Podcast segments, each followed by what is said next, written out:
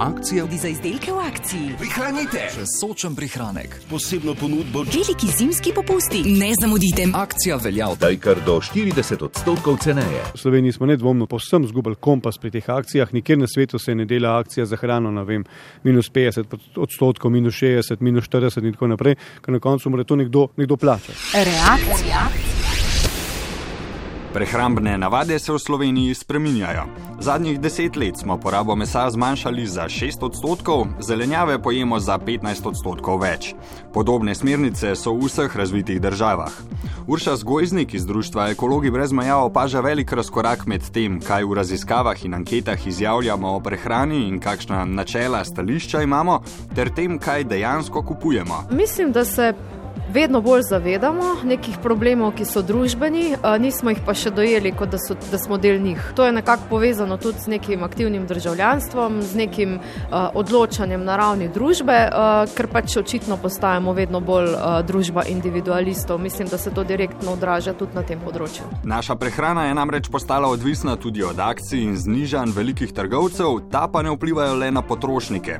Branko Ravnik z Kmetijsko-gozdarske zbornice trdi, da veriga preskrbe s hrano ta trenutek ni dolgoročno vzdržna. daje možnost oziroma pogoje, da močnejši v tej verigi svojo voljo oziroma svoje načine in svoje videnje uveljavi tudi na ceno drugega. In močnejši v tej verigi so seveda veliki trgovci. Na dolgoročno način eh, prodaje hrane v akciji oziroma akciji na akcijo oziroma po cenah, ki ne dosegajo niti proizvodnih cen, eh, niso model, ki bi lahko dolgoročno omogočil, da bi kmetijstvo kot tako preživelo. Podobno meni tudi Jože Podgoršek, varuh odnosov v verigi preskrbe s hrano. Najslabše izhodišče za določanje cen na trgu imajo pridelovalci hrane. Že nekajkrat smo menili, da uh, pogosto v tej verigi preskrbe s hrano uh, so v najtežji poziciji primarni pridelovalci, kar pomeni, da ta celotna tudi kriza, ki je bila recimo v mlečnem sektorju, v sektorju prašičjega mesa, v sektorju zelenjave, ni enakomerno razporejena po celotni verigi, ampak se običajno ustavi ravno pri tistem, ki jo nimajo kom več naprtiti, skratka pri primarnih pridelovalcih. V najtežji položaj pridelovalce postavljajo znižanja in akcije. V Sloveniji poznamo dve vrsti akcij. Nekateri trgovci jih pripravljajo skupaj z dobavitelji. Kar pomeni, ko ima trgovska veriga akcijo, zahteva tudi zniževanje cen od uh, dobavitelja. Drugi pristop pa je, da trgovec akcijo izkoristi kot priložnost za promocijo.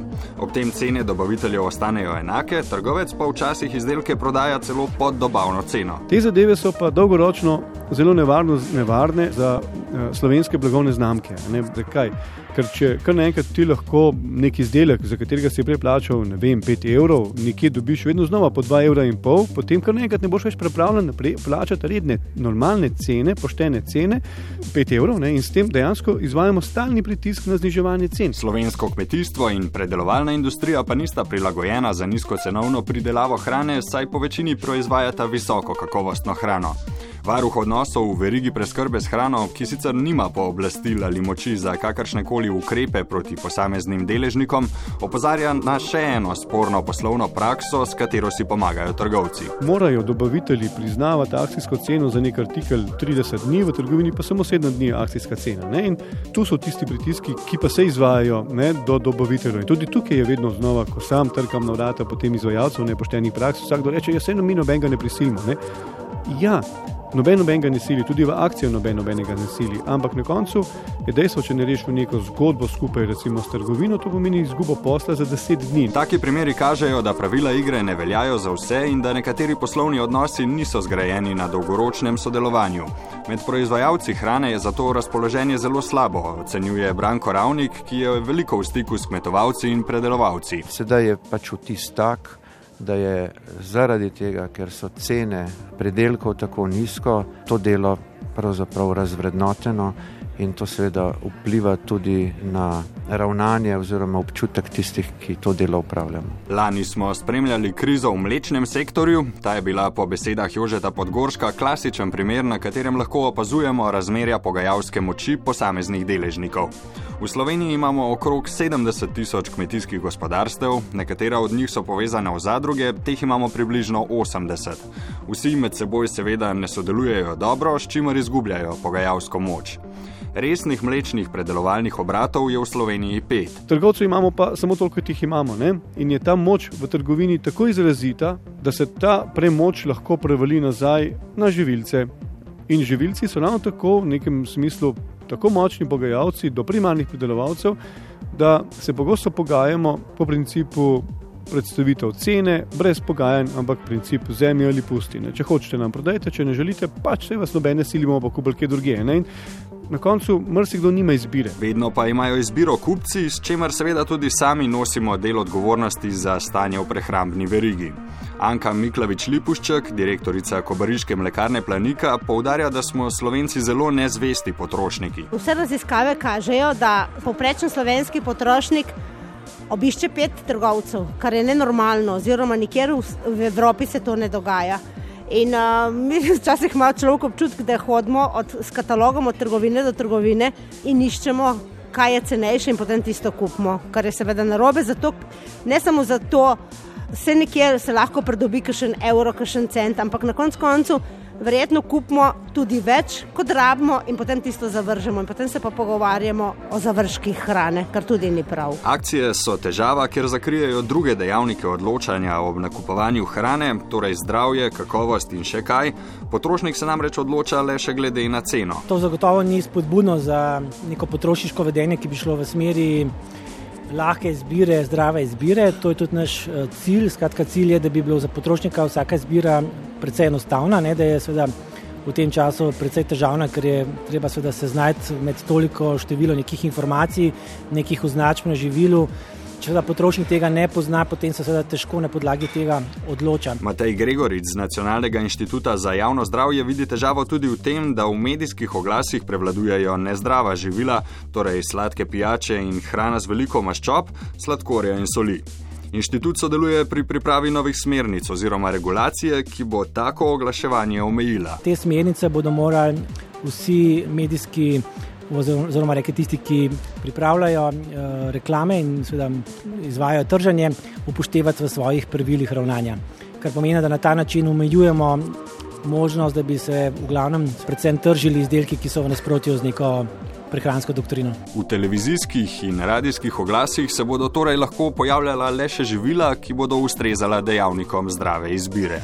Reakcija. V Sloveniji ne pridelamo dovolj hrane za vse skupne potrebe, uvažamo denimo okrog 60 odstotkov zelenjave in 25 odstotkov mesa. Luka Jovančič, agrarni ekonomist z biotehničke fakultete, opozarja, da se samo skrbe vedno lotevamo na isti strani. Pravo vprašanje torej ni, kako dovolj pridelati, ampak kako vzpostaviti tak sistem oskrbe hrane, da na koncu je pač teh odpadkov čim manj, da kupci hrane posegamo. Po domači hrani s tem omogočamo samo oskrbo. Tako da vsak člen v verigi ne, nosi svoj del odgovornosti. Se pravi, vzpostavitev nekih poštenih odnosov ne, v tržni strukturi verige oskrbe s hrano, ki jo imamo, in vse to se potem rezultira v boljši samozkrbi. Mi si pa samozkrbo postavljamo kot prvi in končni in edino zavlečavni cilj. Samozkrba je zgolj indikator. Kratke prehrambne verige, torej večja poraba lokalno pridelane hrane, so tudi predmet zelenih javnih naročil. Dobava lokalne hrane v javne zavode je eden od ciljev, o katerih na Ministrstvu za kmetijstvo, gozdarstvo in prehrano trdijo, da se dejavno ukvarjajo z njimi. Po podatkih Barbare Kutin Slatnar je v javnih zavodih zdaj približno 40 odstotkov lokalne hrane. Imamo pa seveda zelo ambiciozen cilj, ki smo si ga zastavili, in to je, da spravimo v lokalno hrano v javne zavode v višini 70 odstotkov. Zavedati se je namreč potrebno, da kar precej milijonov javnega denarja gre v, v, za prehrano v javnih zavodih. Govorimo tukaj predvsem o šolstvu, um, domovih za ostarele, bolnišnicah. Po raziskavi varuha odnosov v prehrambni verigi bolnišnice za hrano namenjajo 0,6 odstotka celotnega proračuna, pri vrtcih in šolah se ta delež giblje med 4 in 8 odstotki. Cilj, bom rekla, nekako najkasneje do leta 2020, vendar mi si želimo seveda ta odstotek doseči bistveno prej. Zato peljemo določene aktivnosti. Že v lanskem letu smo imeli regionalne uh, posvete. Težava je pripraviti javno naročilo, ker je zelo kompleksno, zlasti pri velikih uh, zavodih, a ne ker je treba veliko hrane naročiti in tukaj jim poskušamo priti nasproti in jih tudi uh, ozavestiti in povedati, kako se to naredi. Vendar je to le eden od načinov, kako ublažiti neenakomerna razmerja moči med trgovci in primarnimi pridelovalci hrane, ki so po večini posledica akcij. Vsi sogovorniki pogrešajo predvsem odgovorno ravnanje potrošnikov. V enem letu v Sloveniji zavržemo kar 150 tisoč ton hrane. Če zdaj govorimo, da nastane 73 kg zavržene hrane na prebivalca letno in od tega 48 odstotkov samo na ravni gospodinstv, se bo treba v nadaljevanju tudi zelo osko usmeriti, zakaj prihaja do zavržene hrane v gospodinstvih.